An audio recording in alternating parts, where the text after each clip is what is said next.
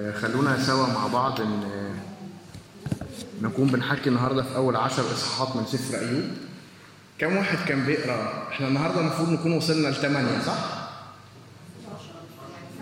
آه صح ده النهارده الجمعة كمان نكون قلنا تسعة. حد طب ابتدى في سفر أيوب؟ أوكي طيب خلونا نكون آه، حكي لكم حكاية العشر إصحاحات اللي في الأول سفر أيوب سفر قصصي يعني تفتحه. بيحكي حكاية. بيقول كان في راجل اسمه كذا وحصل كذا وجات ناس ومشيت ناس وفلان قال وفلان عاد. آه، والحقيقة هو اللي بيقرأ في سفر التكوين هيلاقي ده أو بيقرأ في الكتاب العهد القديم تحديدا مش هيلاقي حاجة ده مش هيلاقيها حاجة جديدة. معظم العهد القديم مكتوب بطريقة قصصية. كان في حرب بين الملك ده والملك ده كان في سلام بين الملك ده والملك ده.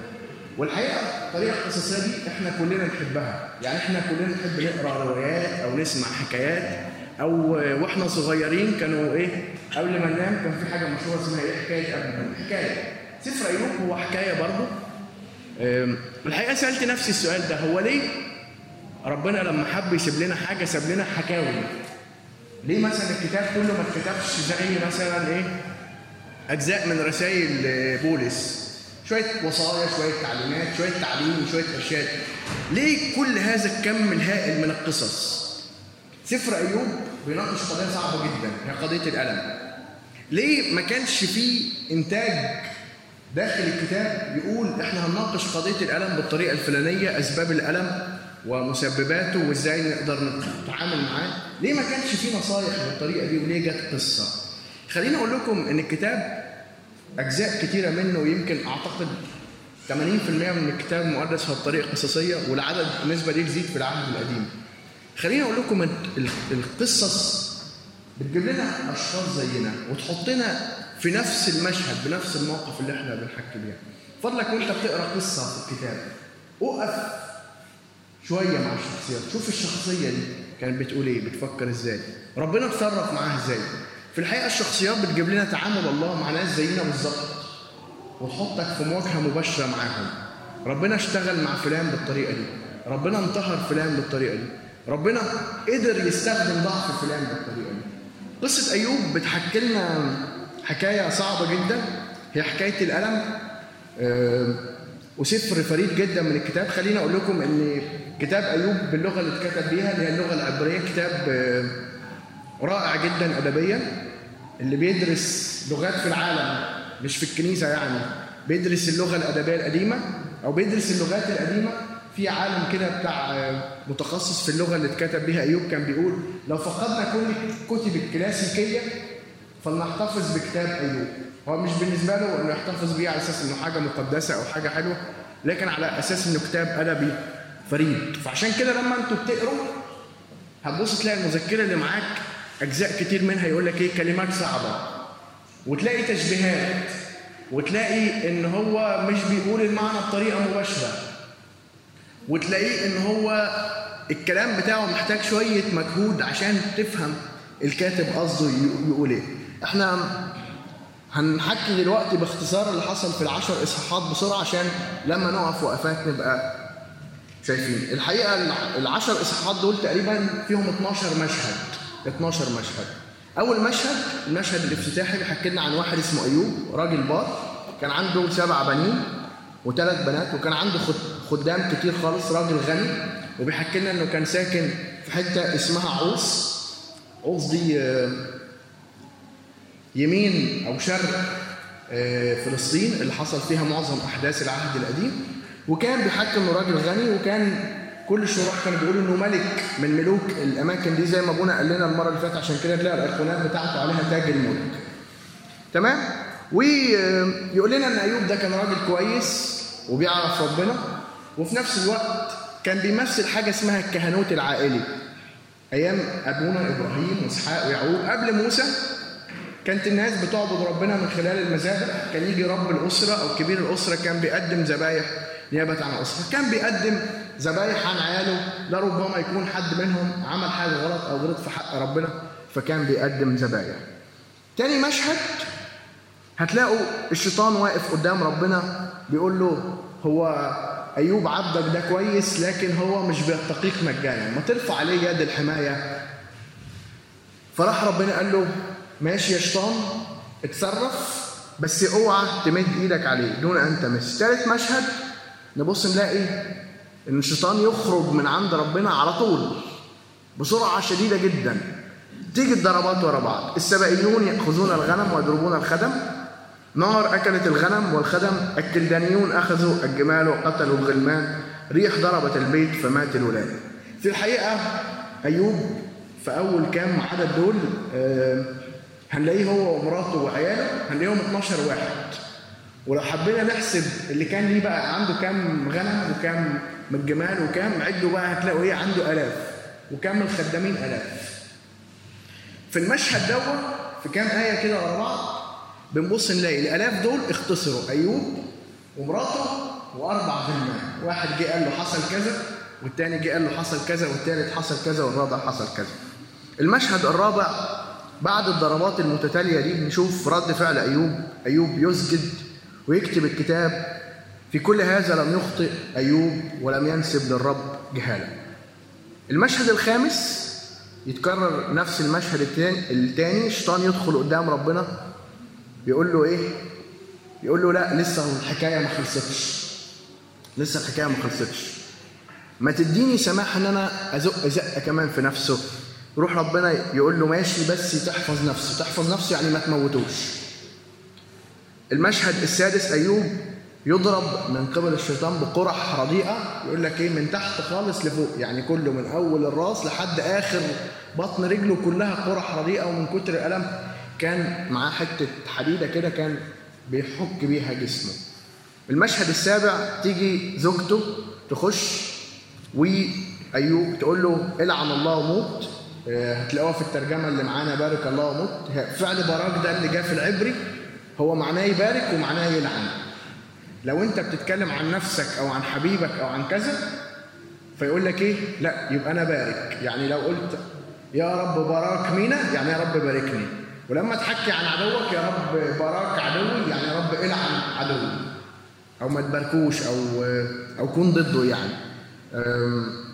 في السياق اللي جه من رد فعل أيوب إنه إزاي أنت تقولي كده وازاي ان إحنا لازم كل حاجة نقبلها من ايدين ربنا فنفهم منه ان هي إلعن الله وموت وده جه في كتير من الترجمات الأجنبية بال English curse and die إلعن الله وموت وده هتلاقوه في المذكرة معايا okay؟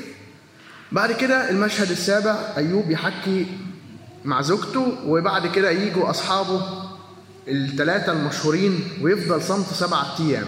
أيوب قاعد في الرماد هم جايين من بعيد من كتر ما حالته صعبة ما عرفوهوش.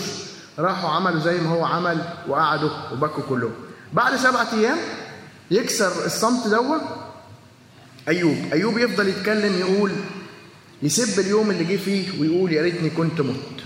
المشهد التاسع يجي أليفاز أول أصحاب أيوب اللي هيتكلم. هتلاقوا السفر ماشي بالطريقة دي. أليفاز يتكلم وأيوب يرد. صوفر يتكلم وأيوب يرد. بلدر يتكلم وأيوب يرد. كده تخلص إيه؟ دوره بعد كده نلاقي السفر عبارة عن ثلاث دورات زي كده. عبارة عن سلسلة من الأحاديث. تمام؟ يجي اليفاز يرد بطريقة آم، قريبة جدا من طريقة تفكيرنا في بعض الأجزاء أو في بعض المشاهد. يقول لي أيوب أذكر من هلك وهو بريء. أنت عمرك شفت واحد كويس بيحصل له حاجة وحشة؟ وأين أبيد المستقيمين؟ قول لي يا أيوب عمرك شفت مستقيمين بيبيد الحارثين اسم والزارعين شقاوة يحصدونها. يعني اللي بيزرع اسم واللي بيزرع بعد عن ربنا هو بيحصدها. الإنسان أبر من الله أم الرجل أطهر من خلقه؟ وأنت يا أيوب عايز تقول لربنا موتني وبتاع. فاكر يعني إن أنت هتعملهم علينا؟ إحنا عارفين إن أنت غلطان والغلط راكبك من فوقك لتحتك ومنساسك راسك زي ما بيقولوا. فإيه؟ فأنت مش أبر من ربنا. وعمر ما الإنسان هيبقى إيه؟ ابر من ربنا أو أطهر من خلقه. ده في مسافة كبيرة. بعد كده يكمل. الغيظ يقتل الغبي والغيرة تميت الأحمق. طوبى لرجل يقدمه الرب. يا أيوب من فضلك بلاش غباوة. بلاش حمق طوبى لرجل يقدمه الرب. يا أخي يعني ربنا بيعاقبك عشان أنت عملت حاجة غلط. ويا أخي افرح إن ربنا يعني بيعاقبك. طوبى لرجل يقدمه الرب. يخلص رد اليفاز المشهد العاشر أيوب يجاوب يعني أنتوا زودتوا إيه؟ مصيبتي مصيبة. ليت كربي ومصيبتي في الموازين. يقول لو جابوا ميزان كده بكفتين وحطوا مصيبتي في الحتة دي وحطوا رمل البحر في الحتة الثانية الكفة بتاعت المصيبه بتاعتي هي اللي إيه؟ اللي هتدب ونبدأ نشوف أيوب بيعبر عن مصيبته وإزاي. بيقول سام القدير انتشبت فيا. وحمتها شربت روحي. يعني عارفين اللي بيلعب الدارت دوت؟ بيقف كده واحد ويحط الدايرة دي وواحد يقف هنا ويمسك السهم ويفضل إيه؟ يضرب. أيوب بيقول كأن الله حطيني أنا مكان ال- اللعبة دي وماسك السهام وعمال إيه؟ يضرب. سهام القدير انتشبت فيا. مش بس كده وآخر الس- السهم ده يعني قصدي إنه محطوط فيه سم والسم بتاعها عمال إيه؟ يموت فيا. بعد كده إيه؟ يا ليت طلبتي تأتي ويعطيني الله رجاء. يا ريتك يا رب تحقق اللي ليا وتديني رجاء. أن يرضى الله بأن يسحقني. ويطلق يده عني فيقطعني. يا رب ما تفكك مني أنت حاططني في دماغك. سيبك مني خالص وموتني. خلينا إيه؟ نخلص يعني. أن يرضى الله بأن يسحقني. ويطلق يده فيقطعني. فلا تزال تعزيتي وابتهاجي في عذاب لا أشفق إني لم أكحت كلام القدوس. ويرجع يقول على الرغم من كل ده أنا ما أقدرش أقول كلمة وحشة في حق ربنا. ما أقدرش أكحت كلام القدوس. ما هي قوتي حتى أنتظر؟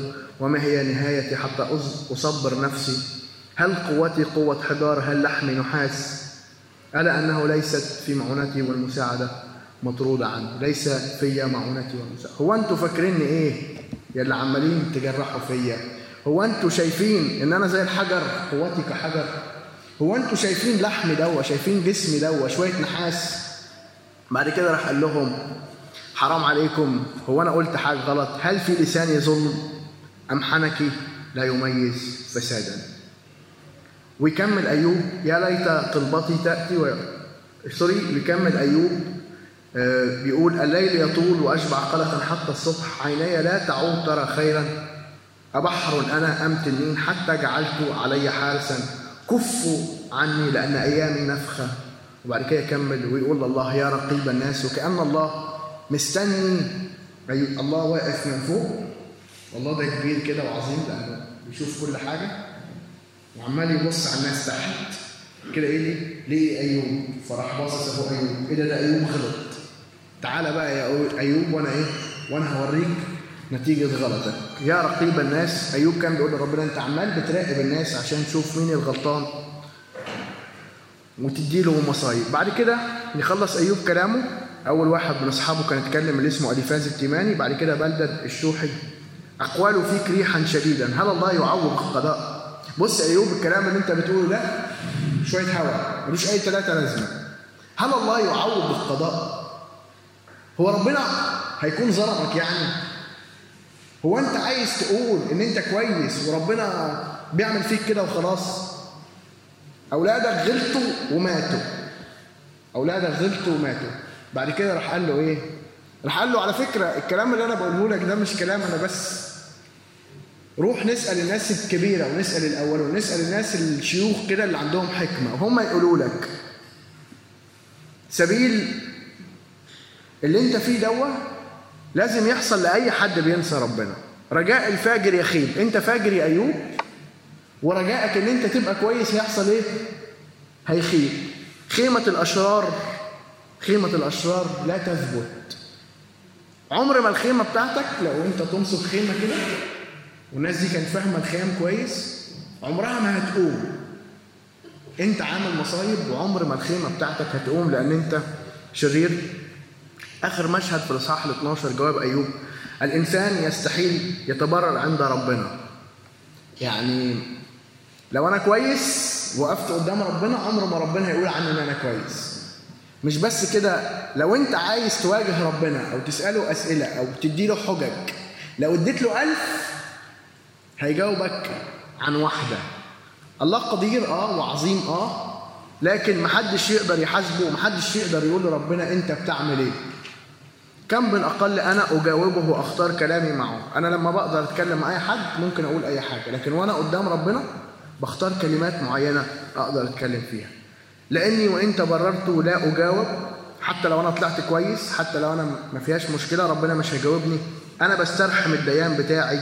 ذلك الذي يسحقني بالعاصفة ويكثر جروحي بلا سبب لأنه ليس هو إنسان مثلي فأجاوبه. فنأتي جميعا إلى المحاكمة. ليس بيننا مصالح يضع يده على كلينا. ربنا ده مش زيه زيكم ومش زي زيي مش إنسان. لو في إنسان حصلت معاه مشكلة ينفع أجيب مينا وصينا أقول له أنت غلطت فيا في كذا فيجي يقول لي أنت غلطت في كذا وأنا أقول له أنت غلطت في كذا. نفضل في محاكمة. فيجي أيوب يقول أنا الوضع للأسف مش كده. ربنا ده مش إنسان عشان أعرف أحاكمه لكن أنا هقف في صف وربنا في صف تاني. هو اللي عمال يعمل فيا كل ده أتمنى إن يجي واحد وسيط كده أهو واحد اسمه المصالح يروح يجيب ربنا ويروح يجيبني ويقعدنا مع بعض وكل واحد إيه يقول الأدلة والافانيد بتاعته وريت إيه يصالحنا إحنا الاثنين ونحسن اوضاعنا. المشهد طبعا بيكمل بس ده المشهد اللي يقف عنده الإصحاحات العشرة الأوائل. في الحقيقة أنا مش هقدر أقف عند كل الإصحاحات لكن أنا هقف وقفة طويلة عند الإصحاح الأول وحسب ما ربنا يدينا من وقت نشوف الدنيا هتمشي إزاي. أوكي قصة أيوب في أول إصحاحاتها هتلاقوها فيها إنجاز التعبير في المشهد يعني لو إحنا بنحكي باللغة دي فيها ثلاث أبطال فيها الإنسان وفيها الله وفيها الشيطان أيوب وهو بيبص كان بيبص على المعادلة ناقصة طرف. كان بيبص إن في هو وفي ربنا. الشيطان ده ما كانش حاطه في حساباته خالص. لكن خلونا نبص سوا على الثلاث محاور الرئيسية. كان رجل في أرض عوص اسمه أيوب وكان هذا الرجل كاملا ومستقيما يتقي الله ويحيد عن الشر. ده أول ما نفتح سفر أيوب نقرأ الأجزاء دي كده. بعد كده يجي الشيطان يقف قدام ربنا بعد كده يقول ربنا للشيطان إيه؟ فقال الرب للشيطان. ده في عدد 8 هل جعلت قلبك على عبد أيوب؟ لأنه ليس مثله في الأرض. رجل كامل ومستقيم يتقي الله ويحيد عن الشر. قديس يوحنا ذهبي الفم لما بيقف قدام الآيات دي بيتأمل في أيوب ويقول أيوب ده كان يعرف ربنا كويس قوي بيقول لك شوف شهادة الوحي عنه إنه كان راجل كامل ومستقيم. يتقي الله ويحيد عن الشر. ما قالش إنه كان راجل بار وسكت. ما قالش إنه كان راجل كامل وسكت. ما قالش إنه كان مستقيم وسكت. ما قالش يتقي الله وسكت. ما قالش يحيد عن الشر وسكت. قديس يوحنا زي الفم بيقول ان حياتنا عبارة عن منظومة. مش هينفع تمشي فيها بإيه؟ بساعة لقلبك وساعة لربك. توجه قلبك إيه؟ هل أنت توجه قلبك زي أيوب؟ رجل كامل ومستقيم يتقى الله ويحيد عن الشر. بيقول إن اتقاء ربنا آه في طريقة إن أنت تفضل في صلواتك وفي جهادك وفي قداساتك وفي سهرك وجهادك الروحي تفضل تجاهد لكن على الناحية الثانية لازم تكون بتجاهد ضد الخطيه تحيد عن الشر. يحيد عن يعني يبعد عنه. في لما واحد يبقى مثلا إيه مستعجل جدا ويشوف واحد سوري يعني رغاي شوية شوفه ماشي في الشارع بيعمل إيه؟ بيعدي رصيف صح؟ أو يجري بسرعة أو يعدي من شارع تاني صح؟ ده ده معنى يحيد عن الشر. وده النموذج اللي المفروض يكون قلب كل واحد مننا عليه. لازم يكون مستقيم في عبادته قدام ربنا. ويكون بيجري ويبعد ويهرب من الشر. وهنرجع تاني لحتة من أرض عوص هنرجع تاني لحتة من من أرض عوص دي لما نيجي عند ربنا. وكان ذات يوم أنه جاء بني الله ليمثلوا أمام الرب وجاء الشيطان أيضا في وسطهم. آه لو خدنا المشهد الأول مشهد عادي. ربنا إنجاز التعبير. قاعد على كرسي العرش والملائكة قدامه. قديس يوحنا زي الفم بيقول لك بيدوا له تقارير عن اللي بيحصل في العالم وفي الكون وفي الأرض. بيقول لك وجاء الشيطان في وسطهم. يقول لك اتحطت الآية دي عشان يقول لنا إن الشيطان مش مكانه في محضر ربنا. وكأنه دخل خلسة وكأن محضر الله ما ينفعش يخش فيه الشيطان. وكأني أنا وحضرتك وحضرتك اللي إحنا هياكل الله وروح الله لا يسكن فينا إحنا الشيطان ملوش أي جزء فينا. ولو في خطية لو في شهوة لو في فكرة لو في عادة. كل ده مش من صلبنا مش من أساسنا. إحنا أساسنا إن إحنا بتوع ربنا. والشيطان ملوش حاجة فينا. تمام؟ تاني حاجة يقول لك إيه؟ فقال الرب للشيطان كذا كذا فأجاب الشيطان الرب وقال من الجولان في الأرض والتمشي فيها. قديس يوحنا زي الفهم قال لك الشيطان ما تكلمش على فكرة. قال لك هو بس فكر الفكرة دي وربنا فهم كلامه ما يقدرش يتكلم قدام ربنا. لكن خلونا نشوف مين هو الشيطان. هو ملاك ساقط. إشعيا 14 بيحكي لنا عن واحد اسمه زهرة بنت الصبح زهرة بنت الصبح. عارفين كوكب الزهرة؟ حد يسمع عنه الكوكب ده؟ عارفين يعني إيه الزهرة؟ عارفين ال ال ال ال ال لما حد يبقى فيه نور قوي جدا ما يقدرش يبص فيه؟ عارفين الإحساس ده؟ أو لما تبقى لسه نايم حد ولع نور تصحى كده مش قادر الزهرة ده أو الزهير أو أو الفينوس الشديد الناصع البياض. كيف سقطت من السماء يا زهرة بنت الصبح؟ إشعيا 14 بيحكي لنا إن ربنا خلق الملائكة وجه الشيطان كان عايز يضع كرسيه فوق كواكب العلي وكأن نفس الفكرة اللي أصابت أبائنا آدم وحواء فسقطوا هي الفكرة اللي أصابت الشيطان هي الكبرياء. هي الكبرياء. إزاي اتكبر وكان عايز يحط كرسيه فوق كرسي ربنا؟ وإزاي إنه بعد كده لعن وبقي الشيطان؟ تعالوا نبص الراجل ده بيفكر إزاي. تعالوا نبص أو الروح دي أو الشيطان ده بيفكر إزاي. أول ما خرج من عند ربنا ضربات متتالية. ضربات سريعة ومتلاحقة. ضربات سريعة ومتلاحقة. آه ثم خرج الشيطان من أمام وجه الرب. ده في أيوب واحد 12 13 وكان ذات يوم أبناؤه وبناته يأكلون ويشربون خمرا أن رسولا جاء إلى أيوب قال له البقر حصل له كذا وكذا وكذا. ضربات متلاحقة وسريعة. الشيطان عايزك طول الوقت تجري. ما تاخدش نفسك. عايزك طول الوقت تجري ما تاخدش نفسك. اجري في أي حاجة في الدنيا. اجري في شغل ماشي اجري في خدمة ماشي اجري في حياتك ماشي اجري في أفكارك ماشي اجري في طموحاتك ماشي. كان في كتاب جميل بيحكي عن الصمت. كان بيحكي إن الصمت مش إن أنت تقعد وتقعد ساكت. كان بيحكي إن أنت مثلا تقعد ساكت كده يومين ورا بعض. فالأفكار اللي في دماغك تمشي أو تهدى أو تصفى ساعتها أنت هتبدأ تمارس الصمت. الشيطان بيبعدنا عن ده. ضربات متتالية ومتلاحقة. أعتقد الزمن اللي إحنا فيه ده زمن الجري. المعيشة صعبة. كل واحد عايز يجري على أكل عيش اشتغل شغلانة واثنين وأربعة وعشرة ال social media خلت الحياة سريعة جدا. في كل حاجة. إحنا في عصر سرعة رهيب افتكر افتكر الضربات المتلاحقة اللي جت على أيوب. من فضلك. ما تسمحلوش إنه يحقق الهدف ده في حياتك. ما تسمحلوش إنه يخليك طول الوقت تجري. طول الوقت تلهث وراء الأشياء. طول الوقت بتدور. طول الوقت عايز تعرف. قول له لا أنا هقعد وههدى وهسكن في محضر الرب السبائيون خدوا الغنم وضربوا الخدم. النار أكلت الغنم والخدم. الكلدانيون أخذوا الجمال وقتلوا الغلمان ريح ضربت البيت فمات الأولاد. عدد واحد وستاشر. ممكن نقرأ سوا الشاهد ده؟ آخر حاجة مكتوبة. نار سقطت من السماء فأحرقت الغنم والغلمان واكلتهم ممكن تقروا معايا؟ نار سقطت نار الله سقطت من السماء فأحرقت الغنم والغلمان وأكلتهم القديس يوحنا بيقول إن الشيطان لما اتكلم على لسان الخدام بتاعه الغلام فإيه؟ عمل الوقيعة. بين أيوب وربنا ما قالوش إيه نار جت كانت اللي كانت راح قال له نار مين؟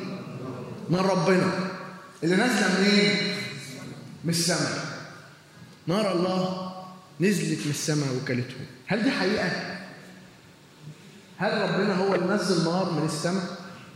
هل المشهد مثلا مقارب لمشهد سدوم وعمورة؟ نار الله سقطت من السماء كذاب وأبو الكذاب كذاب وأبو الكذاب. إبليس خصمكم. مين هو إبليس؟ مين هو الشيطان؟ كأسد زائر يجول ملتمسا. من يبتلعه هو؟ رب يسوع. أنتم من أب هو إبليس. شهوة أبيكم تريدوا أن تعملوا. ذلك كان إيه؟ قتالا للناس منذ البدء. ولم يثبت في الحق لأنه ليس فيه حق. متى تكلم إيه؟ بالكذب. فإنما يتكلم مما له لأنه مين؟ كذاب و وابو الكذاب كمان. الآباء بيقولوا آدم وحواء سقطوا منين؟ من المفاوضات.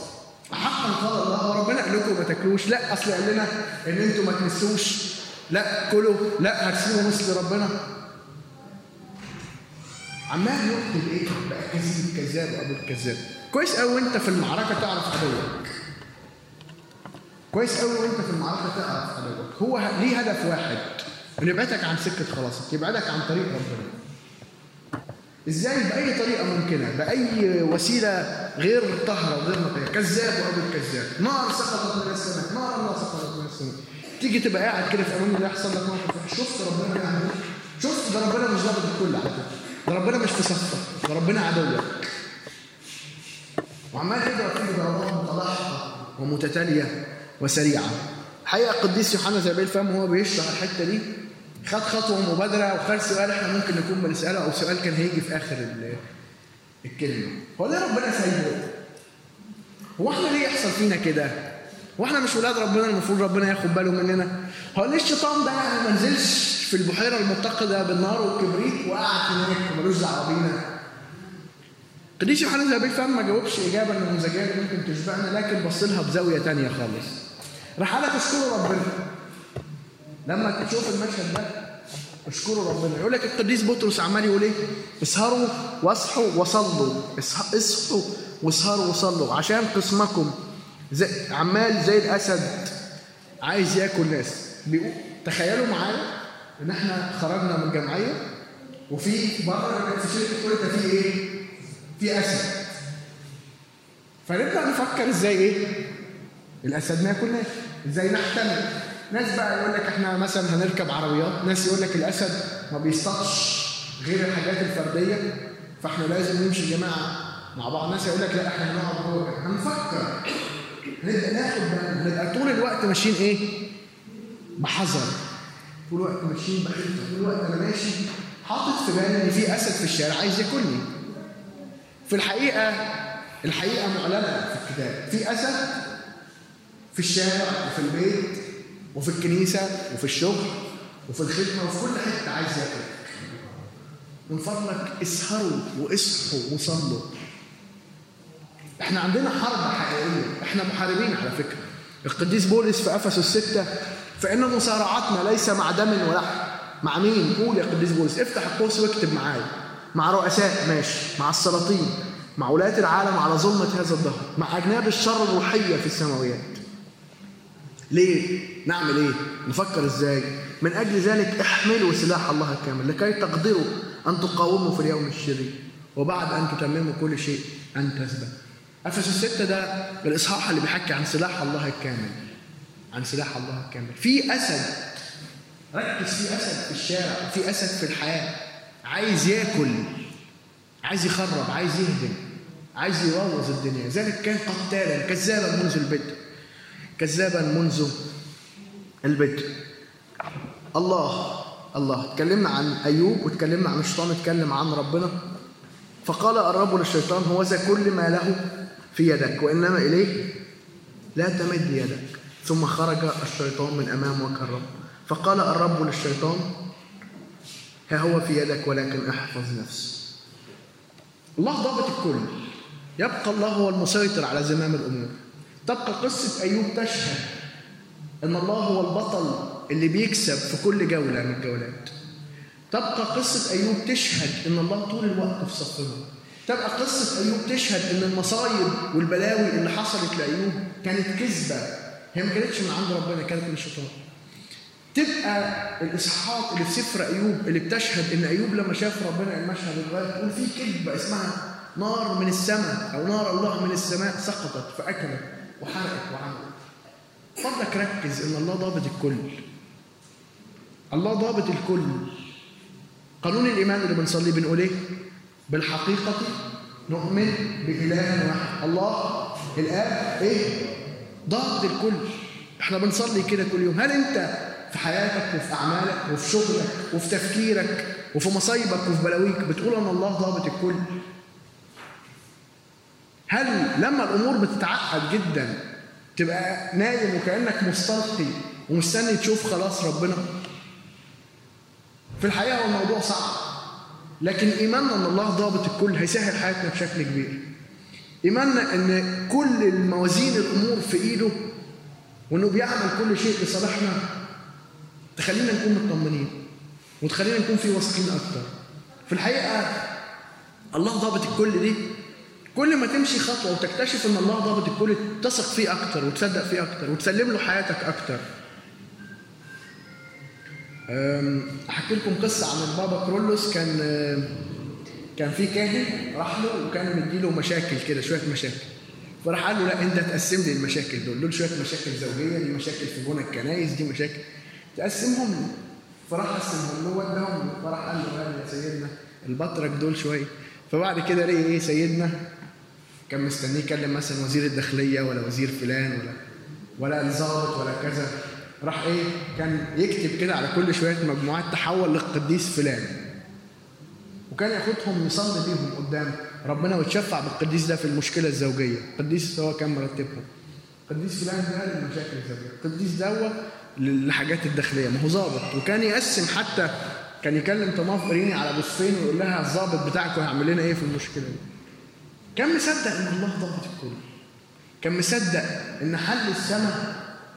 وإن كان في وجهة نظرنا مستحيل لكن في وجهة نظره موجود. الله ضابط الكل. الله ضابط الكل الكنيسة في كل يوم في الأواشي. أبونا يقول إيه؟ أيضا فلنسأل الله. الآب ضابط الكل. أبو ربنا وإلهنا وخلصنا يسوع المسيح نسأل ونطلب من صلاح عن أي حاجة وعن سلامة الكنيسة عن الاجتماعات عن الأباء وما إلى ذلك. يبقى الله هو ضابط الكل في سفر أيوب. عقيدة مهمة إن الله ضابط الكل. وعقيدة مهمة إنه في حياتنا لازم يكون ضابط الكل. لازم يبقى هو اللي بيقود سفينة حياتك. لازم يبقى هو اللي بيوجه الأمور. لازم اللي هو بيوجه الأمور. سفر يشوع بن سراخ إن حكمة الرب عظيمة. هو شديد القدرة. ويرى كل شيء. هو شديد القدرة. اشعياء 40 ارفعوا عيونكم إلى العلاء وانظروا. بص للسماء فوق كده هتشوفوا إيه؟ تشوفوا النجوم. من الذي يخرج بعدد بعدد جندها؟ يدعو كلها بأسماء. مين اللي شايف كل النجوم دي وعارف عددهم؟ إنه لكثرة القوة وكونه شديد القدرة لا يفقد أحد. يعني ما فيش أي نجم. عارفين أنتوا النجوم بتلف أو زي الأرض اللي بتلف حوالين الشمس؟ في مدارات كده. هو ما فيش نجم يقدر إيه؟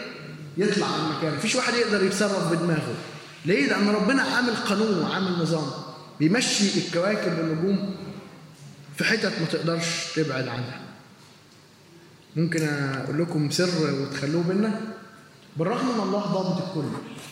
بالرغم ان الله يمتلك كل مقاليد الأمور. بالرغم إن ربنا معاه كل المفاتيح. بيقدر يعمل أي حاجة.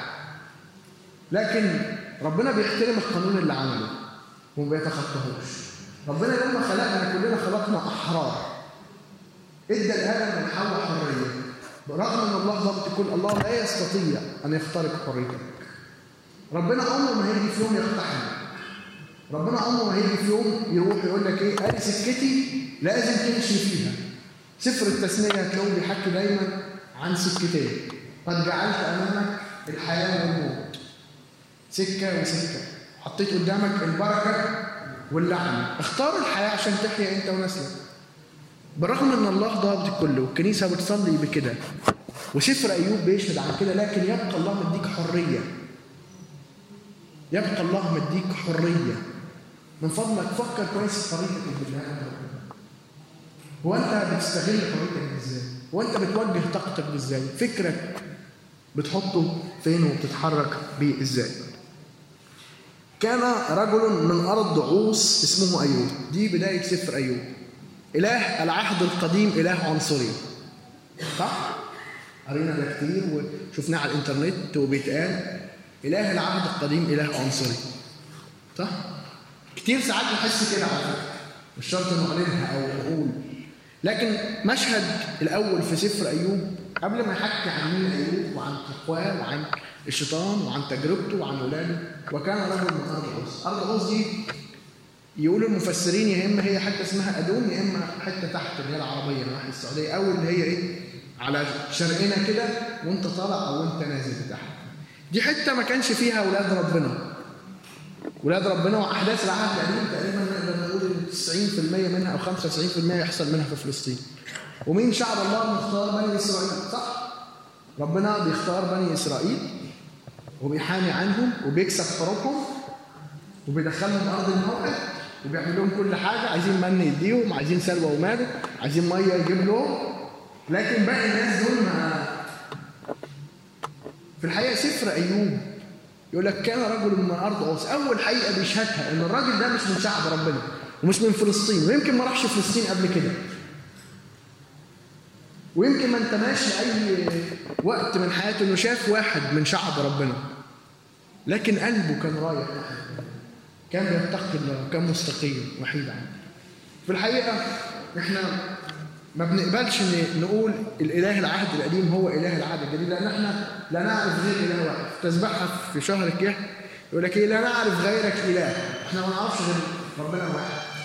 إحنا ما عندناش إلهين أو الله بيتصرف بطريقة هو هو أمس واليوم والأبد. ليس عنده تغيير ولا ظل دوران لو حد قال لك ادي هو إله عنصري؟ يقول لي في سفر اسمه سفر أيوب بيحكي عن راجل واخد مساحة عظيمة من العهد القديم بيحكي عن راجل مش من شعب ربنا. قول له في سفر اسمه سفر يونان. اتكلم عن أهل نينوى. وراح ربنا لما جه في العهد الجديد راح قال الناس دول بتوع أهل نينوى هيقوموا في الدين ويدينوا الأسباط. نينوى دي كانت حتة كانت حتة بعيدة عن شعب ربنا. خليني أتكلم معاكم بسرعة جدا. أنا معايا عشر دقايق.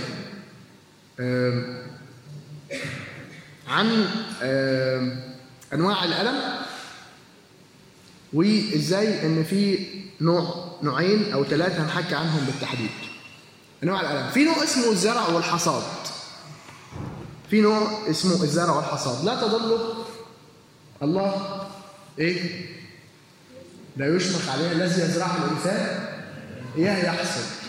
الذي يزرعه الإنسان إياه يحصد. في مرة تكون عنيف مرة ألم شديد. بس خلي بالك سوري يعني ربنا ملوش دعوة. النهارده واحد عنده امتحان ما ذاكرش فما نجحش. آه هو زعل إنه ما نجحش. واحد بيشرب سجاير كتير جاله مرض في الصدر. في حاجة اسمها حاجة لما بتحصلها بيحصل لها نتيجة. في أي قانون معروف إن أنت مثلا النار بتحرق فلما تحط إيدك في النار وتتحرق منطقي إنك تتحرق وطبيعي إنك تتحرق زرع الحصاد في قوانين تحقق ودي نقدر نحط بشكل أو مباشر أو غير مباشر الكوارث الطبيعية. في قانون في الفيزياء وفي الكيمياء وفي الطبيعة يقول إن في طبقة فوقينا اسمها الأوزون مثلا. لو الطبقة دي اتخرمت الحماية بتاعتنا هتقل. فوارد جدا إن ترتفع درجة حرارة الأرض بدرجات عظيمة وإن التلوج تسيح. وده يعمل حاجة اسمها global warming ودي حاجات مش كويسة عشان هو ربنا اللي عمل ال global warming هو ربنا اللي خرم الأوزون. في حاجات بيقول لك لما تستخدم غازات معينة ده مش كويس للبيئة. في حاجة في مفاعل اسمه تشيرنوبل مواد كيماوية. لما تستخدمه بطريقة مش صح ولما تستخدم النووي بطريقة مش صح لما يحصل مصيبة انت كسرت القانون كسرت القانون. ربنا يستر في الضبع ماشي. بعد كده في ألم اسمه ألم التشكيل إزاي ان الله بيشكل فينا وبيكبر فينا. وفي ألم اسمه ألم التأديب. أي ابن لا يؤدبه أبوه. في ألم اسمه الألم الروحي. الألم الروحي الناس البعيدة عن ربنا. لا سلام قضى إلهي للأشرار مش معنى كده إن ربنا بنفس اللاهوت بتاعه اللي كان بيتحكى أيام أيوب وأصحابه إن أدي الإنسان وأدي ربنا. ربنا هيمشي كويس مع الإنسان يروح ربنا إيه؟ مديله. طب ادي الانسان وادي ربنا. ربنا إيه؟ يمشي وحش مع الإنسان يروح ربنا إيه؟ يديله. لا معناه إن أنت مخلوق وروحك مخلوق عشان تتحد بربنا. فلما روحك ما تتحدش بخالقها لما روحك ما تتحدش بخالقها هتحس بألم. القديس أغسطينوس بيقول خلقت قلوبنا لك يا الله ولن تطمئن ولن تستقر إلا أن تجد راحتها فيك. حد هنا درس بيولوجي مثلا؟ عارفين الإنزيمات بتشتغل إزاي؟ يبقى في إنزيم شكله كده وفي receptor شكله كده. لما يشبكوا في بعض يشتغل. لو ده شكله كده وده شكله كده إيه؟ مش هيقدر الإنزيم ده يشتغل. نفس فكرة العاشق والمعشوق لما تحط حاجتين في بعض. القلب مخلوق عشان يستقر في ربنا. فلما مش هيستقر فيه مش هيعرف يكون مرتاح. وفي الألم الأبدي وفي الام لأسئلة لا إجابات لها. وده النوع الثالث والرابع والأخير دول هنحكي عنهم. عقيدة خاطئة أو فكرة قاتلة حسب الآخرين زي إبليس أو شر البشر وأسئلة لا إجابة لها. خلونا نتكلم عن عقيدة خاطئة. خلونا عارفين يونان اتكلمنا عنه من شوية. فلما رأى الله أعمالهم أنهم رجعوا عن طريقهم الرديئه ندم الله عن الشر الذي تكلم أن يصنعوا به. دي آخر آيات في الإصحاح الثالث. فغم ذلك يونان غما شديدا فاختاظ وصلى إلى الرب وقال آه يا رب أليس هذا كلامي؟ إذ كنت بعد في أرضي لذلك بدرت إلى الهرب إلى ترتيش ترشيش لأني علمت أنك إله رؤوف رحيم. بطيء الغضب كثير الرحمة نادم على الشر. فالآن يا رب خذ نفسي مني لأن موتي خير من حياتي. فقال الرب هل اختصت بالصواب؟ تكمل القصة وعارفين قصة اليقطينه وحدث عند طلوع الشمس أن الله أعد ريحا شرقية حارقة فضربت الشمس على رأس يونان فذبل فطلب لنفسه الموت وقال موتي خير من حياتي. قال الله ليونان هل اختصت بالصواب من أجل اليقطينه؟ قال له اختصت بالصواب حتى الموت. خذ نفسي خذ نفسي موتي خير من حياتي اختصت بالصواب حتى الموت. في الحقيقة كتير في أوقات كتير يبقى عندنا عقيدة غلط أو يبقى عندنا فكرة غلط والفكرة دي ممكن تموتنا تخلينا مش مستقرين تخلينا مش مرتاحين. أصحاب أيوب عمالين يقولوا له في لاهوت غلط. أيوب حبيبي اللي بيمشي مع ربنا ربنا بيكافئه واللي بيمشي ضد ربنا ربنا بيعاقبه. ربنا إله سادي جدا. ربنا بيحب يتشفى في غريب البشر. ربنا بيحب يشوفهم وهم إيه؟ هربانين أو زعلانين. أو كتير يقول لك إيه؟ روح لربنا عشان يديك الخيرات. أو روح ربنا عشان تعيش كويس. وكأن الله ده إله سادي مستني الإنسان يروح له يا رب أبوس إيدك ومن فضلك وعشان خاطر ويتشحتف قدامه عشان ينال الرضا. يونان كان عنده عقيدة غلط. بتقول إني أنا نبي والنبي ده حاجة عظيمة ليه رسالة عظيمة؟ رسالتي لازم تروح لناس عظيمة لشعب الله. أي ناس بره شعب ربنا دول يولعوا بنار وكبريت مش قضيتنا. أنا ماليش دعوة بالناس دي. روح ربنا يقول له إيه؟ أنت هتروح في حتة تبشر الناس أمميين. يا خرابي أنا أروح لحتة أبشر الناس أمميين؟ يقول له إيه؟ شوفوا. آه يا رب أليس هذا كلامي إذ كنت بعد في ارضي إيه اللي مضايقك يا عم يونان؟ إيه اللي مضايقك؟ إني علمت أنك إله رؤوف ورحيم بطيء الغضب وكثير الرحمة ونادم على الشر. تخيلوا دي الحاجات اللي زعلت يونان النبي. ودي الحاجات اللي ما كانش فاهمينها أصحاب أيوب وعمالين يحقنوه بيها. ده الكبار قالوا كده ده القدماء قالوا كده. وأتوقع إن الأفكار ابتدت تتصالح مع اللاهوت الخاطئ في دماغ أيوب فأنتجت هذا الميراث الغني من السخط والغضب والضيق والألم. عقيدة خاطئة. إزاي فكرة غلط دمرت الدنيا؟ قديس بولس لما كان ماشي عمال يموت في الكنيسة ويموت في القديسين في تيموثاوس الأولى يقول لتلميذه كده أنا الذي كنت قبلا مجدفا ومضطهدا ومفتريا لكنني رحمت لأني فعلت بجهل في عدم الإيمان. الله السبب في اللي بيحصل لك في حياتك. الله عدوك على فكرة. الله في كفة وأنت في كفة. الله في شط وأنت في شط. الله بيعاقب الأشرار بشدة. الشر يلاحق الشرير بلا شفقة أو رحمة ربنا واقف على الوحدة. أنت رقيب الناس ومستنيك تغلط. الله بعيد ولا يمكن سؤاله. وأنا لو عندي أسئلة ينفع أسألها لربنا؟ الله لن يجيبك ولن يميتك. هيسيبك كده حيران في النص. هيسيبك متعلق. لا هيجاوبك على أسئلتك ولا هيموتك. ولن يفرحك. هو يسر بألمك وكربك وتعذيبك. في الحقيقة اللي أنا قلتهم دول دي كانت صرخات جوه السفر. اتقالت بطريقة مباشرة أو غير مباشرة. فكرة خاطئة أو عقيدة ممكن تبوظ حياتنا كلها ممكن تبوظ حياتنا كلها. خلينا نتكلم عن فكرة الحسد. فكرة الحسد يمكن أبونا أشار إليه خليني أقول لكم أن إحنا في عقيدتنا لا نؤمن بالحسد اللي هو إيه؟ أنت راكب العربية دي دي آخر موديل. تنزل بالليل تلاقي الإزاز آه دي عيب مش عارف إيه. عندنا بطة بتمشي إزاي؟ كده. أنا جبت منها خمسة يوم الخميس. تمام؟ والعين فرقت الحجر. أفتكر أحكي لكم قصة طريفة. إيش؟ بغض النظر عن وجودها في التسجيل من عدم عندي فنانتين ربنا رزقني بيهم كده من قيمة شهرين ونص. ففي يوم كانوا مزمزقين جدا وخاربين الدنيا وعياط بشكل متواصل. فحد كان عندنا في زيارة. فبيسأل هو أنتوا مين شافهم قبل كده؟ كان عندكم حد النهارده؟ فقلنا له آه كان عندنا فلان. راح قال لك انت تجيب ورقة وترسم عليها وش كده وتكتب دي فلانة أو فلان وتجيب قلم وتخرم عليه. فلما تعمل كده تلاقي البنات يجوا وبتاع ده كأن عين صابتهم أو اتحسدوا أو مش عارف إيه أو كذا. المنظور كل مسيحي كلنا مسيحيين في قلب بعض الحمد لله. ده نحن لا نؤمن به.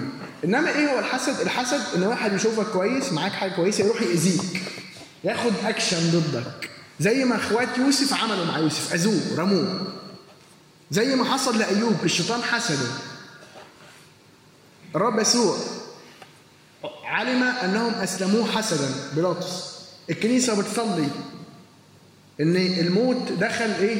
بحسد إبليس والموت الذي دخل إلى العالم بحسد إبليس هدمته. في الحقيقة في الحقيقة أتكلم عن هذا النوع. بالتحديد من الألم. لو عندك هذا الألم في حياتك لو أنت اتحسدت من إبليس لو أنت اتحسدت من أي حد حواليك فأذاك فيبقى الله زي ما تفتكروا لما قلنا هو ضابط الكل. تخيلين إبليس ده في نهاية قصة يوسف. كان مشاعره عاملة إزاي؟ ده أنا عمال أخطط وأدبر وأسفل وأرمي في بير وأحط في سجن وأوصي ناس عشان يقولوا والناس تنسى.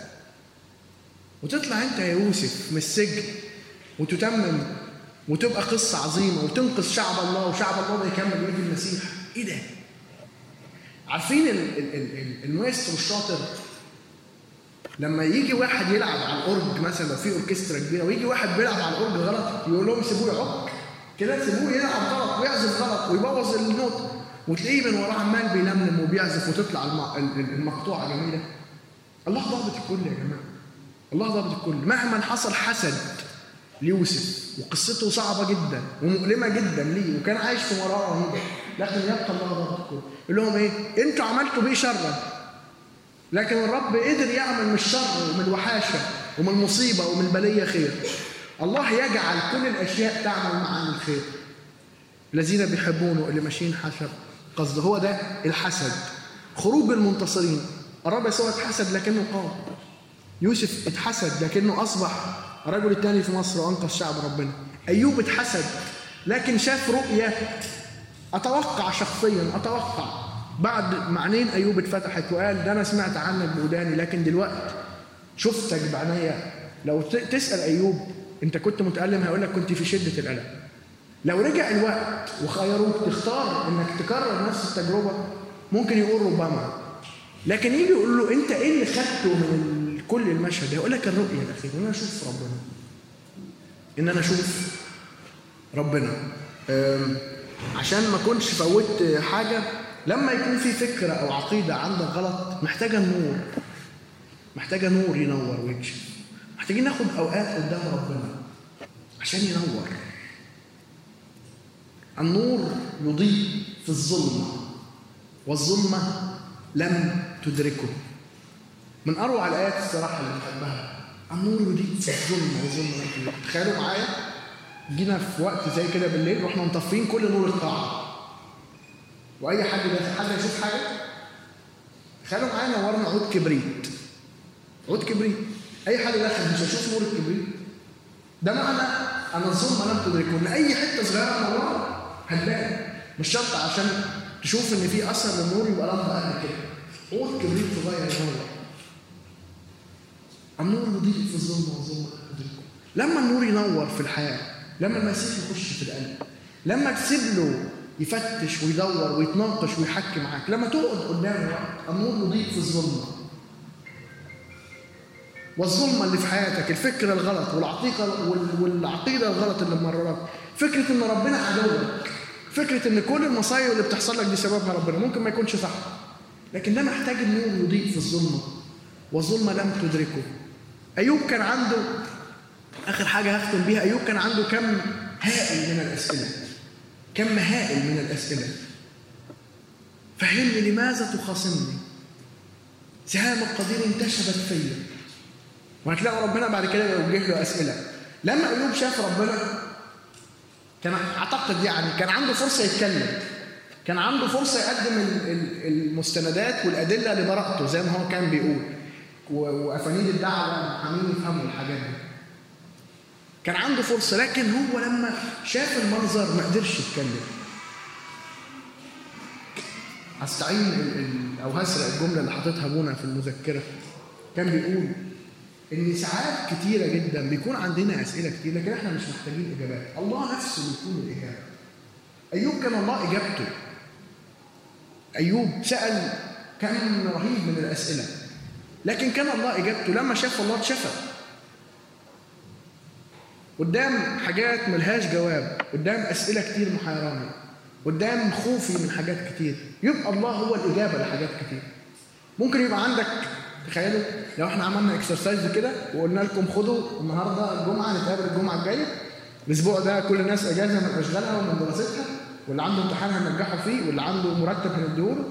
افضلوا الأسبوع ده يقوموا واشربوا كوبايه شاي واكتبوا إيه الأسئلة اللي عايزين تسألوها لربنا في أي حاجة. شوف كم العدد من الأسئلة.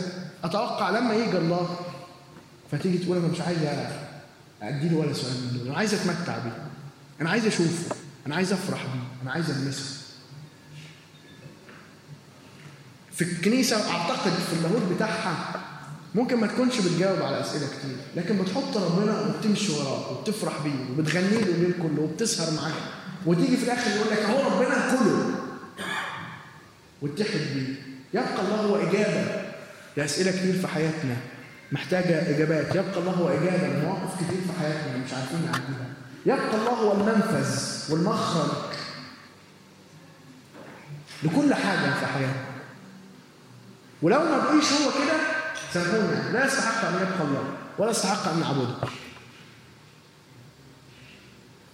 مش حابب أكون بتكلم بفلسفة أو بأفكار أو أو أحط الله في إطار عظيم وأقول لكم هو ده الله في إطاره لكن هو ده الحق. الكتابي هو ده الحق الكتابي إن كان في إبليس وعدو ومفترس فهناك الله الضابط الكل إن كان هو عمال يدبر مكايد عشان نخسر خلاص نفوسنا لكن يبقى الله. بيعزف من كل المصايب والمكائد والحزن والغم اللي بيحصل. أحسن مقطوع على خلاص نفوسنا. فنيجي نقول إن إبليس إن الناس إن الظروف إن المرض إن كل حاجة وحشة حصلت بيه شرا. والرب خد الشر ده وقدام نوره الإلهي حوله لخير آخر حاجة أختم بيها النور يضيء. قولوا معايا النور يضيء في الظلمة والظلمة لم تدركه. النور يضيء في الظلمة والظلمة لم تدركه. لنا كل مجد وكرامة في كنيسته. الآن والأبد آمين. معاكم عشر دقايق. آه.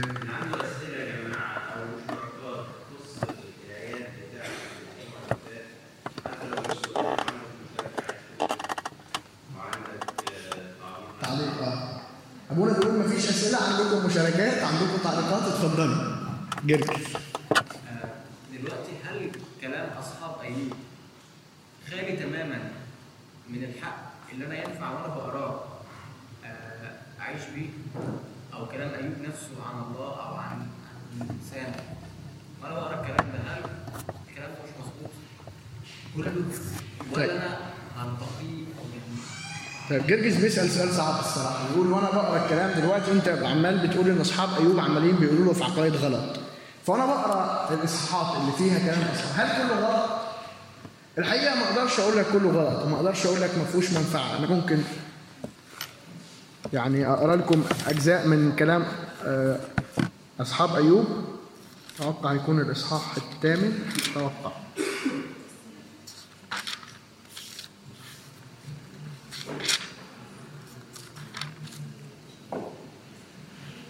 المنجي الخامس خامس 15 أقول اللي جه في وشي. المنجي البائس من السيف. من فمهم من يد القوي فيكون للذليل رجاء فده سد الخطية فاءها فطوبى لرجل يؤدبه الله فلا ترفض تأديب القدير طوبى لرجل يؤدبه الله طوبى لرجل يؤدبه الرب. هنلاقيها جت في العبرانيين.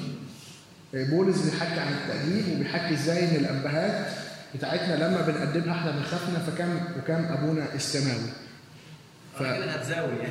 طيب خ- خليني خ- خليني أقول لك رعوف. أنا كنت أقول هو مش علم الحق ان جنرال طب أنا اعمل إيه وأنا بقرأ الكلام يعني. طيب خ- خلي أبونا. جاي زي المنقذ كده.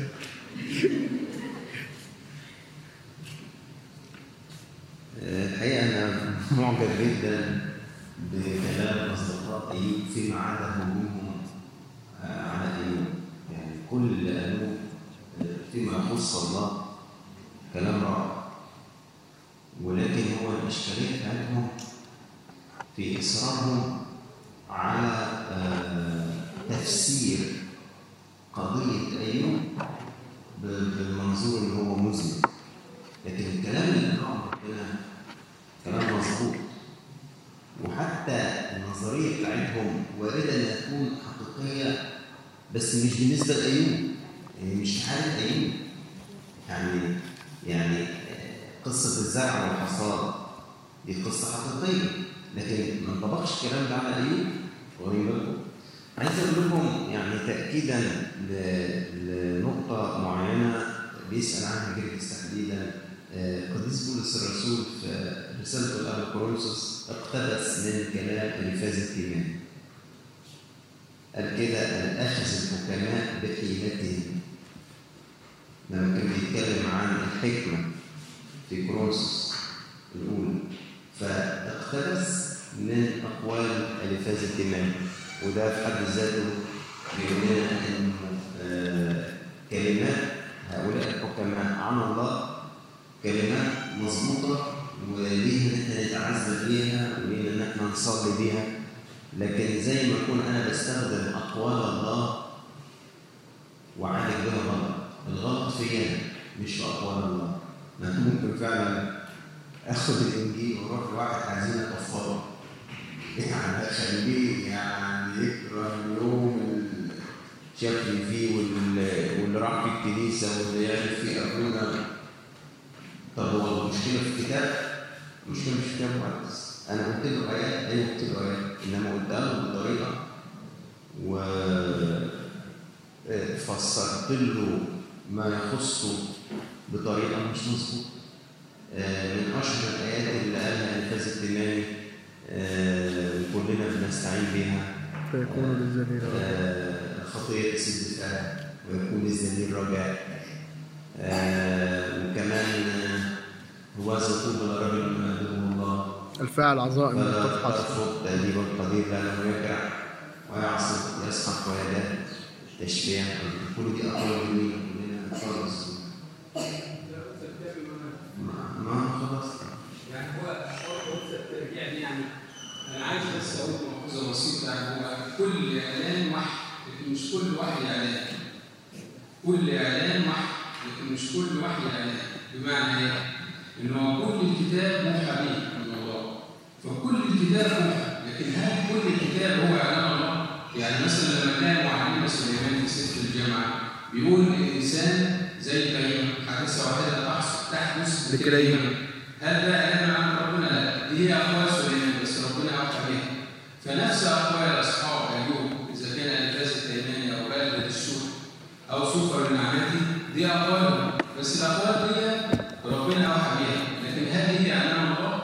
لا هي مش اعلان الله بس ما فيش أي يعني غضاضة أو أي ضرر إذا كانت هي بتنطبق أقوال صحيحة يعني بتنطبق يعني مع الحق الكتابي إن إحنا ناخد بيها زي ما هو سيكون تفضل يعني الدليل على كده إيه؟ معلمنا موسى مثلا استشهد بالأقوال دي لكن بيجي الكتاب في الآخر وبيقول إنه ربنا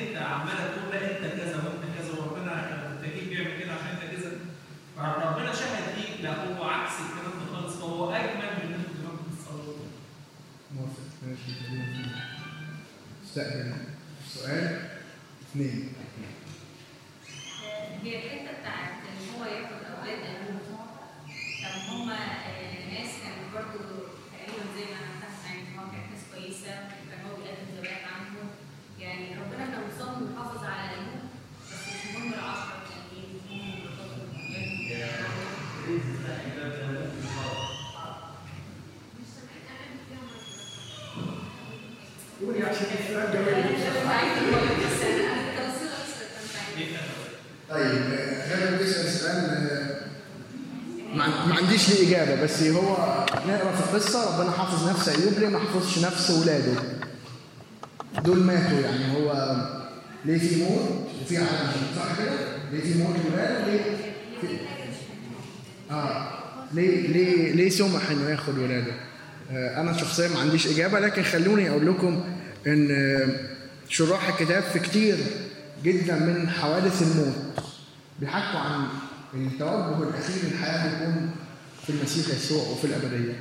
فمش بالضرورة كل اللي يكون مات يكون هو يعني هنا أرض الشقاء غربتنا التي في هذا العمر أحفظها بغير مضره فإحنا في غربة فبالعكس هم راحوا لوطنهم. فده يبقى حاجة جميلة ليهم مش حاجة وحشة ليهم ممكن إحنا وإحنا بنقرأ بنشوف الموت لحادثه صعبة لكن هو بالنسبة لمنظور الحق إنه شيء جميل فالناس راحت لوطنهم. ينطبق هنا ممكن على ولاد أيوب ينطبق على أطفال قتلوا في العهد القديم في مواضع معينة أو أطفال قتلوا في العهد الحديث بإيد هيرودس ونسميهم شهداء بيت لحم وما إلى ذلك.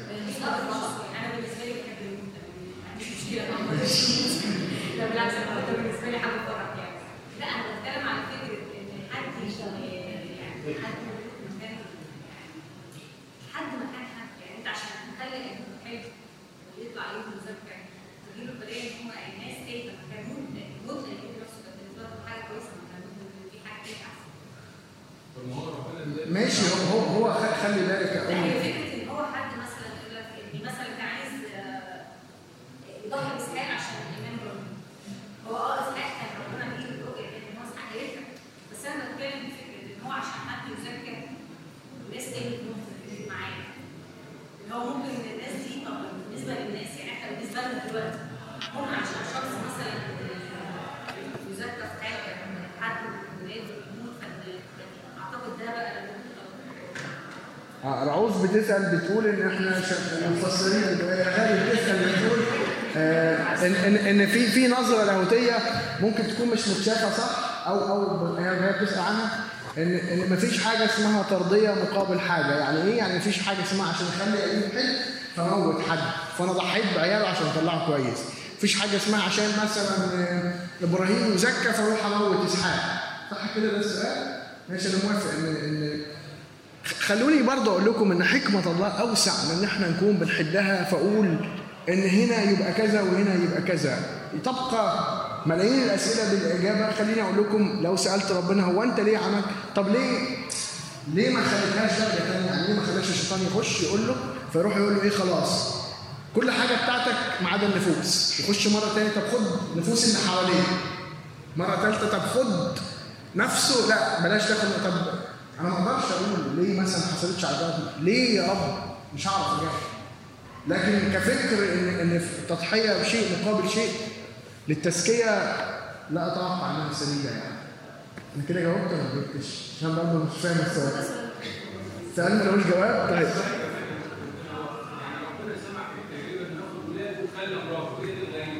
ده القديس يوحنا ذهبي فاهم معلق على الموضوع ده بس أنا ما رضيتش أقول يعني. كان ليه ليه خد الولاد وساب المدام قديس يوحنا هتلاقوه مفسر ممكن اشير لكم الاقوال لكن أنا يعني سياسيا وزوجيا ما أقدرش اتكلم هو عشان في سؤال يا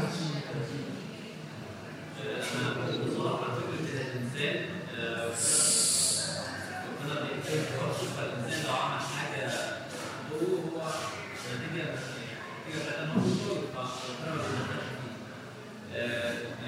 مثلا لو حد بيدور إنسان تاني أنا مثلا فعل وقع عليا أنا فانا بتحمل نتيجته. لكن لو أنا مثلا بعمل حاجة بدور مثلا شخص تاني. ماشي أنا متصور إن ربنا ما ادخلش دور في وقتي لكن الشخص التاني اللي هو وقع عليه الظلم ده أو وقع عليه القوي ده برضه يعني إيه ذنبه؟ بالظبط.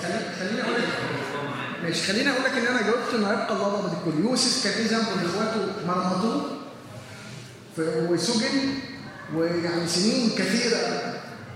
من هذا العقاب وهذا المرمطة والذل والسجن والليل هو كل ذنب مجرد اسمه مولع يعني.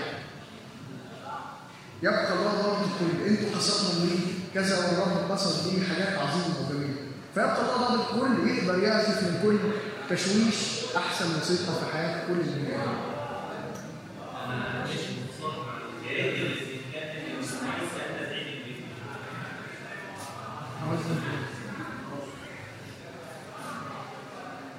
É, mexe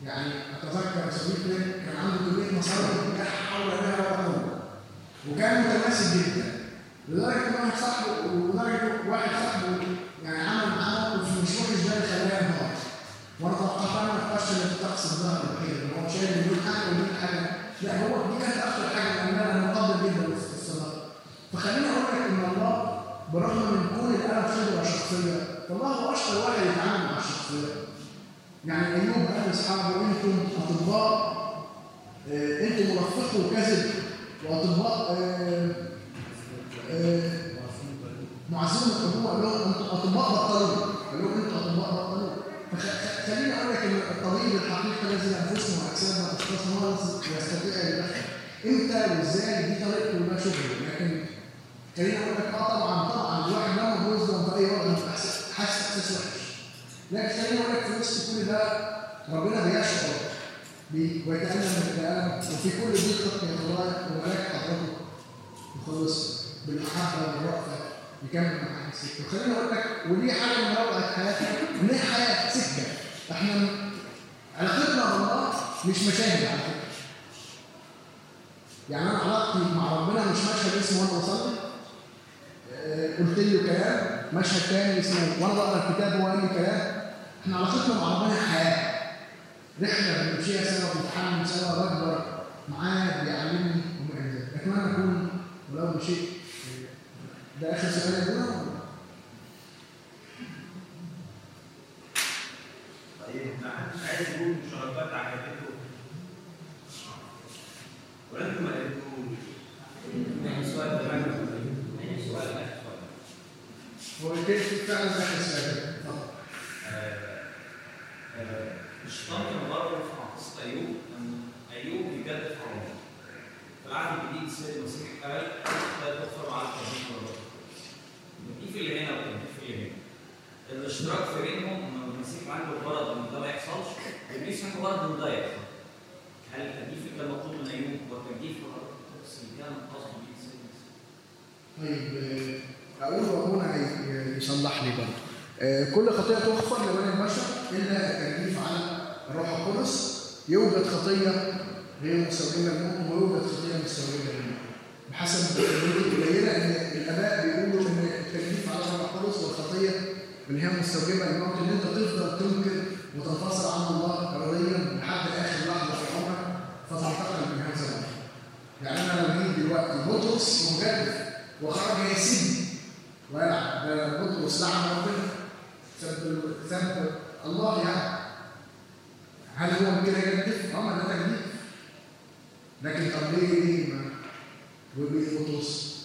لأن هناك زمن للتوبه لكن التكليف على كل سنه تفضل طول العمر تنكر الله لحد ما ينتهي فده الفرق بين الاثنين. ايوب آه، الشيطان غرضه مش معلوم بس مع كل حد إنك تجنف على روح القدس فتخسر ابديا مع أي حد. وده هدفه يعني. لكن آه، هدف الله ان إحنا نكون ماشيين من كده جاوبت؟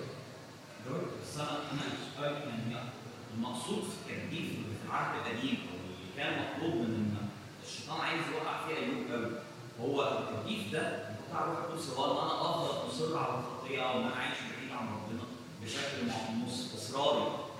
هو ده اللي كان عايز يقوله فلو هو كان عايز بس يقول الله ده غير صالح ومش مبارك اسمه وإن هو لا وحش وخلاص.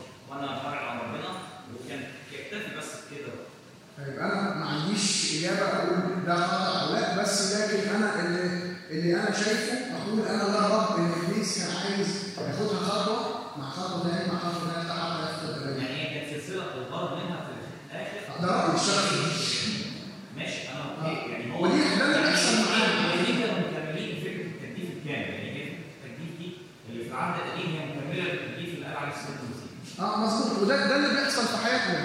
الشيطان يسقطك في خطيه أو انت تسقط في خطيه تعالى إيه بس تعالى قول أنا ماليش في ربنا هو من سكه وأنا من سكه اقع في خطيه ثانية اقع في خطيه ثالثه سيب السكه خالص ممكن ما تجيش تسيب السكه خالص من اول خطيه لكن هي دي خطته يعني ده نكهه الافكار هو عايز يبعدنا عن طريق خلاص كده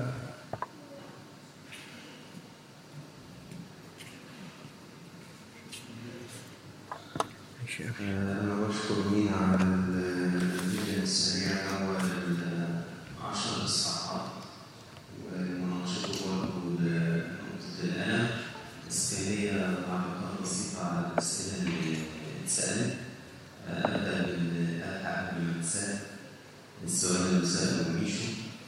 آه، التكليف اللي قصده المسيح على الروح القدس لازم يفهم في السياق بتاع الموقف و...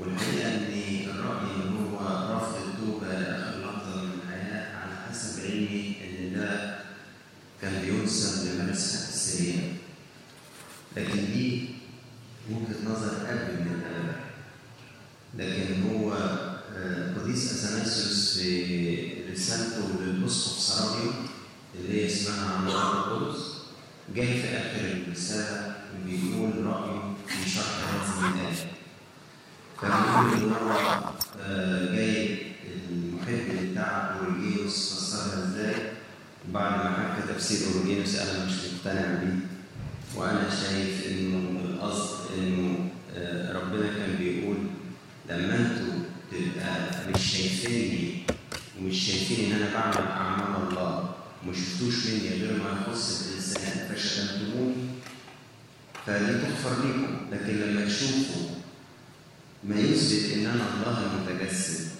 وبرضه تشتموني فهو ده اسم ده تجديف على الروح القدس. فلا يغفر لكم يعني لما يكتب الله كده زي النور في وشك وأنت مصر ترفضه ده اللي كان بي يعني التفسير اللي شايفه القديس أثناسيوس وشرحه باستفاضة في كتابه عن الروح القدس الأسقف سرابي ومترجم بالعربي موجود من مركز الاسس الدراسات وعلى هذا الكلام لو أنا خدت تفسير القديس اثناسيوس أبقى لا ألاقي إنه مش هي دي القضية اللي كان بيناقشها. هو كان باختصار عايزه يسب بربنا. أنا آسف يعني بس ما فيش حد سب ربنا قبل كده؟ أنا للأسف سمعت. يعني كنت في مرة قاعد مع راجل وشفته هو بيشتم على ربنا بيشتم هو كان عايز يعمل كده بس طبعا على فكرة أيوب لو شتم على ربنا وتاب ربنا يسامحه بس هي زي ما بيقول مينا دي كانت خطوة في سلسلة الإيقاع باليأس. يعني أنا إيه اللي هيخليني أرجع في كلامي؟ عن الشتيمه اللي أنا شتمتها على ربنا. ما هي الدنيا يعني سودة. فاهمين قصدي؟ فده بالنسبة للنقطه دي. النقطة اللي كانت بتسألها غالي آه الناس مش لعبة. الناس مش لعبة. يعني عيال أيوب مش عساكر شطرنج في في القصة بتاعت أيوب. لكن خلونا نميز بين حاجتين. بين إن إحنا نفهم الكتاب بشكل حرفي وبين إحنا نصدق إنه ما, هو في الكتاب واقعي. واقعي يعني حصل في الحقيقة. فقصة أيوب مطلوب مني إن أصدق إنها قصة حقيقية. لكن الطريقة اللي مكتوبة بيها دي مكتوبة عشان أنا أفهمها لكن مش شرط إن كل حرف في قصة أيوب أفهمه بشكل حرفي. يعني القديس يوحنا زبيل فهم بيأكد انه الحوار ده ما دارش بين الشيطان وبين ربنا زي ما قال لكم مين. يقول الشيطان أصلا لا يجرؤ إن هو يدخل في حوار مع الله. أصلا دي كلها أمور ذهنية بس مكتوبة بطريقة عشان إحنا في محدوديتنا نفهمها لكن في حاسد فعلا من الشيطان تجاه أيوب أيوه في فكره إن هو يوقع بين الله وبين أيوب أيوه في فكره إنه يشتكي ضد أيوب أمام الله أيوه كل ده مظبوط. إنما حصل بالسيناريو اللي مكتوب ده بالظبط كده يقول لك لا. فعلى نفس القصة برضو الرواية المكتوبة تصدر لي كأن إيه عيال أيوب اتاخدوا في الرجلين. لا طبعا هم ما اتاخدوش في الرجلين.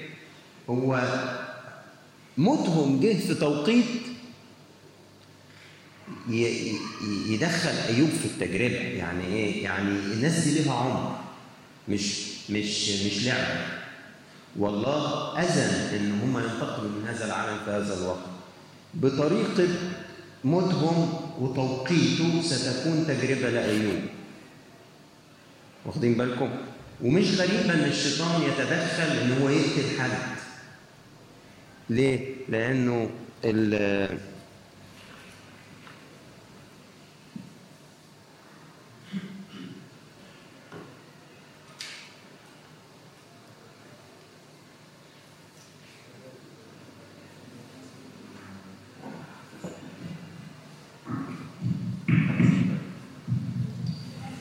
ده اللي اشتغل.